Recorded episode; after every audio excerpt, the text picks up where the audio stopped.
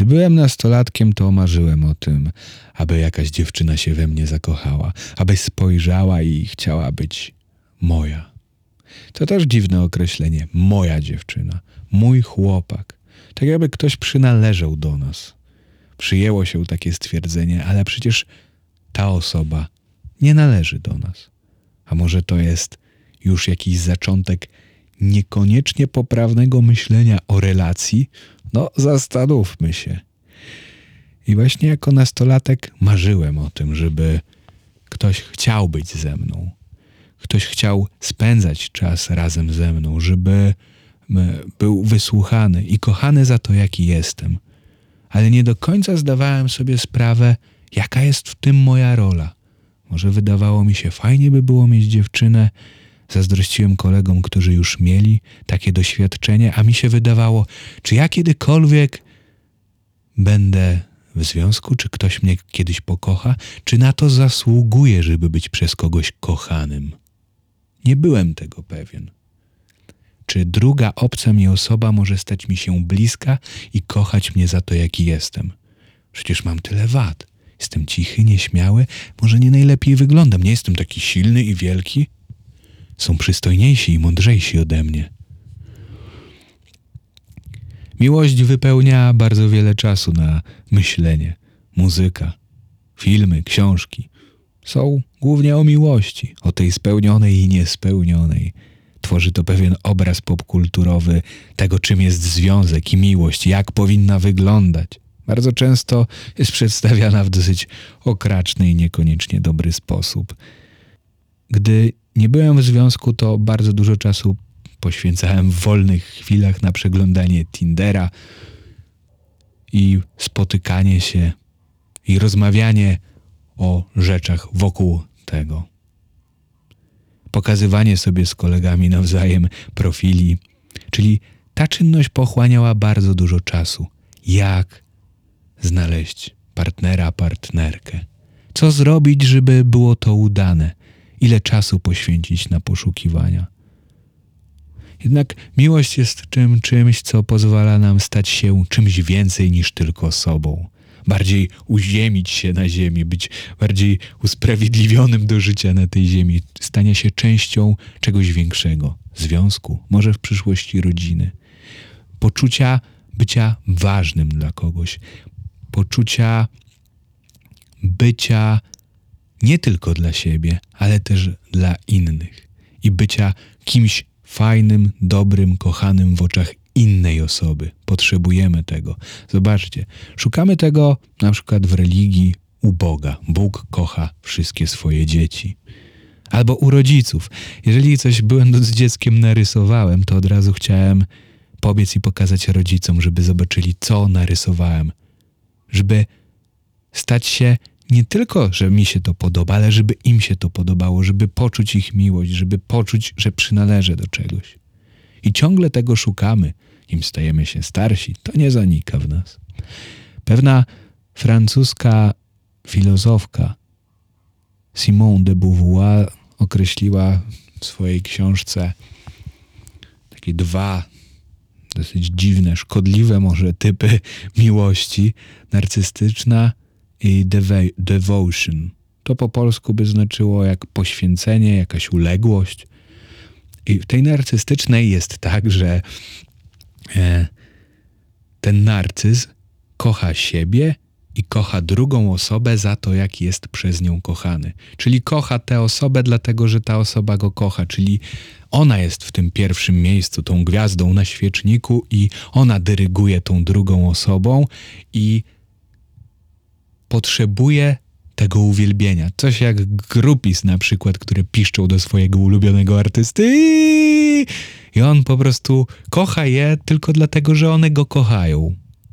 I w tym wypadku jest tak samo, czyli ta osoba tak naprawdę patrzy tylko na siebie i oczekuje od tej drugiej osoby bezwarunkowej, bezgranicznej miłości, bez dawania od siebie czegokolwiek ponadto. Natomiast w devotion, czyli tym poświęceniu, mamy do czynienia z przeciwieństwem, czyli jest osoba, która jest wpatrzona w drugą osobę i myśli sobie: jakie to szczęście, że ja mam takiego kogoś. To jest w ogóle niemożliwe, że jestem z tą osobą. To się nie mogło mi przytrafić. Jaki on jest boski, jaka ona jest boska. I czeka ta osoba na dyrygowanie przez tamtą osobę, czyli to są oczywiście dwa, dwie skrajności. Na dyrygowanie przez tamtą osobę czeka ten poświęcony typ i, i, i, i co się dzieje wtedy? No to jest też taki case, że ta osoba, która się poświęca, tak naprawdę zatraca siebie, ponieważ nawet jest w stanie na wszelkie ugody iść.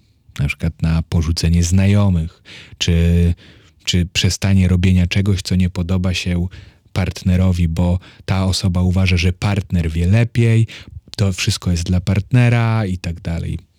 Zdarzyło mi się bardziej raczej być po tej drugiej stronie, aczkolwiek zawsze bardziej po tej stronie devotion, że no zdarzy, zdarzyło mi się na przykład w związku porzucić znajomych tylko dlatego, że partnerka e, tego wymagała, bo wydawało mi się, że jest na, że to wielkie szczęście dla mnie, że udało się mi z nią być. To jest w ogóle niewiarygodne, że ta osoba chce być przy mnie, a ja w jakiś sposób ją kochałem. I to skończyło się oczywiście źle. Takie rzeczy się nigdy nie mogą skończyć dobrze. I trzecim takim tym środkiem, który, bo tak, teraz w każdym z nas na pewno istnieje ta pewna cząstka i narcyzmu i devotion, tylko kwestia w jakim stopniu. Teraz zastanów się nad sobą, jak twoje relacje wyglądają, wyglądały. Czy jesteś bardziej po lewej, czy po prawej stronie? Lewa to narcyzm, devotion, czyli te poświęcenie po prawej. Ja kładę się na prawą stronę teraz, o, na prawy bok się położyłem, czyli po tamtej stronie było mi zawsze bliżej. No, bo zobaczcie, że będąc na przykład poświęconym, to daje nam poczucie bycia ważnym w czyimś życiu. Czyli daje to pewne spełnienie, bo jesteśmy właśnie częścią czegoś więcej. Czyli w tym momencie, no i mu się odbiło mi się, przepraszam was bardzo mocno.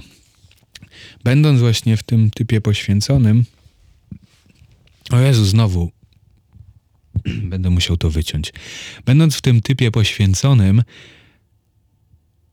czułem się ważny przez to, że jestem dla kogoś ważny. Wydawało mi się, że przez to jestem kochany, bo jestem ważny dla tej osoby i poświęcam się. Czyli poświęcałem się jeszcze bardziej wszystko, co chciałem, nawet właśnie nie chciałem poświęcić, ale poświęcałem tylko dla tej osoby, żeby jeszcze bardziej mnie kochała.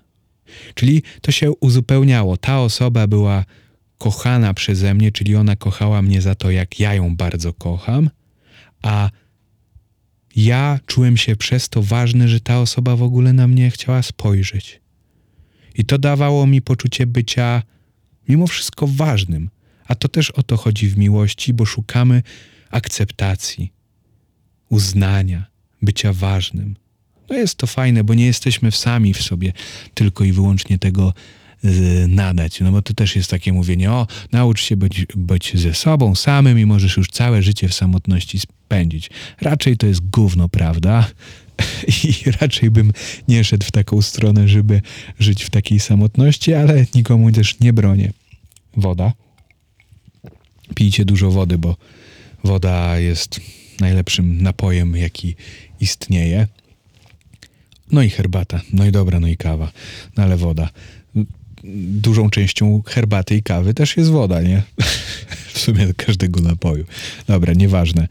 I ta miłość no i właśnie, co ja mówiłem, ta, że bez tej miłości, no ciężko o taką stuprocentowe poczucie bycia na tej ziemi i, i, i, nie zagubienia się. Bo teraz każdy z nas ma jakieś swoje lęki, niepokoje, yy, zarówno ja, partner, partnerka, ty i twój partner, partnerka też. I tym takim wydzielonym był existential love ta Simone de Beauvoir określiła to tak, Czyli nie wiem, czy to dobrze by znaczyło po polsku egzystencjalna miłość. Nieważne. Existential love, czy tak, tak. Obym nie pomylił. Chodzi o to, że tutaj jest już coś bardziej takiego pośrodku i to jest bardzo trudne, ponieważ w różnych momentach życia każdy z nas czuje się lepszy, gorszy od swojego partnera, każdy ma właśnie swoje lęki, niepowodzenia, e, trudności i tak. Ale to jest takie ona określiła to walk by, side by side, czyli właściwie iść obok siebie. Nie. Ktoś idzie szybciej, wolniej, a czasami ktoś idzie szybciej, wolniej, ale mimo wszystko idziemy obok siebie. Czyli pomagamy sobie nawzajem w uzyskiwaniu jeszcze większej niezależności. Czyli chcę, żeby moja partnerka miała jeszcze więcej niezależności, albo partner. Na tym to polega. Ale tej niezależności zdrowej, czyli pomagamy sobie w zdrowy sposób, ale też nie tracąc swojej niezależności. Czyli nie, nie ładuję wszystkiego na stronę partnera i nie dając dla siebie niczego, i vice versa. To tak, tak ten existential love według niej wygląda. I to jest całkiem dobry koncept, w którym e, tak naprawdę pomagamy sobie, jesteśmy obok siebie, dajemy sobie tyle samo wolności. To oczywiście jest utopia, bo nigdy nic nie jest równe i nie ma czegoś takiego, że wszyscy tak naprawdę ludzie są równi. W pewnym sensie są, a w pewnym sensie nie jesteśmy równi, każdy ma różne dni, momenty i tak dalej, ale nie walczymy ze sobą, tylko stoimy w jednej drużynie, w której dajemy nawzajem sobie wolność do realizacji swoich marzeń, celów i indywidualnych celów i nie musimy wszystkich realizować razem. Czyli wszędzie być razem, każdej rzeczy robić razem. Jeżeli mi się nie podoba, że e, partnerka by moja chodziła na siłownię, ja bym jej zabronił, to byłoby coś dziwnego. I teraz pomyśl sobie, czy zdarzyło ci się na przykład tak e, zrobić, albo w takiej sytuacji być. Mi się zdarzyło być w takiej, kiedy nie mogłem pewnych rzeczy e, zrobić, bo partnerce się to nie podobało. I nie mówię tutaj o tym, że na przykład pytam partnerki, wiesz co, chciałbym cię zdradzić, mógłbym? Ona mówi, no, wiesz co, mi się to nie podoba, nie chciałabym, żebyś mnie zdradził, nie? I tu się, wku, i się wkurzam, że kurwa nie pozwoliła mi. to by było, to chyba to może nie, ale w sumie zależy. Do, może jak na przykład ktoś jest w otwartym związku, no dobra, to wtedy nie jest zdrada, więc to, to, to najwyraźniej miałoby sens. I teraz wiąże się to z tym, że każdy z nas przez popkulturę, szczególnie kiedy podzielimy na płci, tak będzie łatwiej, oczywiście to nie dotyczy tylko tego, e, ma jakieś, mamy jakieś swoje uwarunkowania i oczekiwania, jak powinna wyglądać miłość. I z reguły te oczekiwania się z niczym potem naprawdę nie, e, nie, nie łączą. Zobaczcie, jak wiele filmów przedstawia miłość e, i książek że kobieta jest taka trochę e, roztrzepana, tam taka no, niby niezależna, ale różnie to bywa, ale to i czeka na tego mężczyznę, który ją wybawi. Oczywiście to w skrócie to czy jakiś kopciuszek i tak dalej. tego jest bardzo wiele. Bridget Jones i tak dalej, gdzie ma przyjść mężczyzna, który będzie bardziej od niej taki ten i ją jakby wyłowi z tych niepowodzeń jej życiowych. Czyli to, jaki obraz buduje miłości nam. Że, że to w facecie jest pokładane, facet oczekuje czegoś od kobiety, no i, i, i, i, z drugiej strony jest tak samo. I to buduje nam popkultura. Bądź piosenki, w których e, taka była piosenka ich troje. Kurde, e, teraz zapomniałem. To, totalnie mi się. E, nie, czy jakaś inna. Jakaś była piosenka, że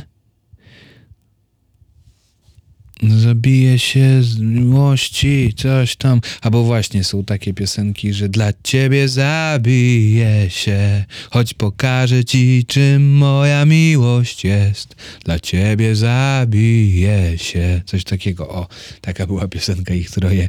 E, pan Michał pięknie śpiewał.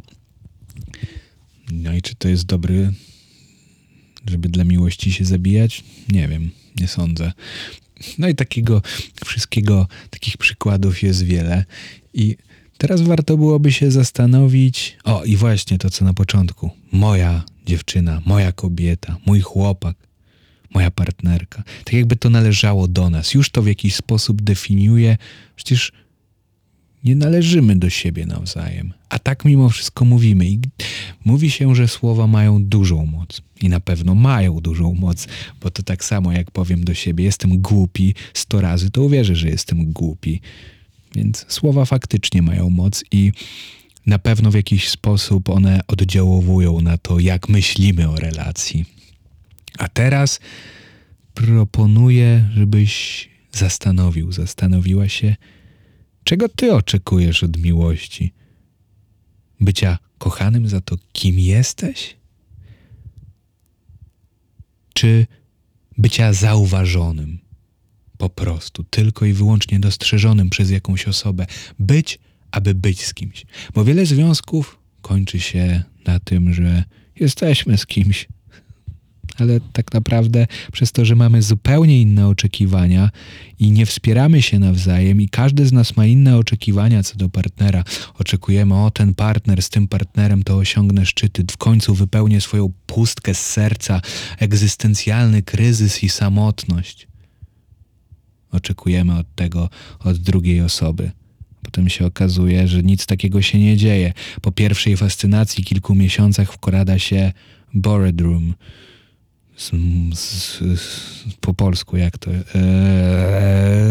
chciałem powiedzieć smutek, znudzenie, takie no, wszystko jest takie, że zaczyna się kłócenie, bo każdy ma inne oczekiwania. Ktoś oczekiwał, że mm, mój partner nie będzie palił przy mnie, a palił przed tym, jak się poznaliśmy.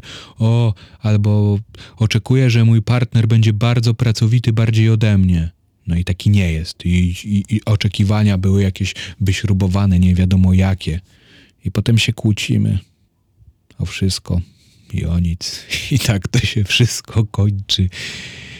I dlatego trudno jest znaleźć złoty środek i znaleźć sobie tę umiejętność dania nawzajem sobie wolności, ale to jest bardzo najwyraźniej skuteczna metoda, bo jak się przyjrzę swoim znajomym, którzy w taki sposób funkcjonują, to przynajmniej na zewnątrz wydają się dobrymi parami, bo pamiętajmy, nigdy nie wiadomo, co dzieje się za zamkniętymi drzwiami i nieraz robiłem dobrą minę do złej gry, a potem za zamkniętymi drzwiami kłóciłem się z dziewczyną. I tego wam nie życzę. Życzę wam, żeby za otwartymi i za zamkniętymi drzwiami było bardzo dobrze. A teraz chciałbym włączyć, nie, nie włączę pianina, wezmę gitarę i zagram coś. Tęsknię za tobą, jak za tamtym latem, ale już nie płaczę.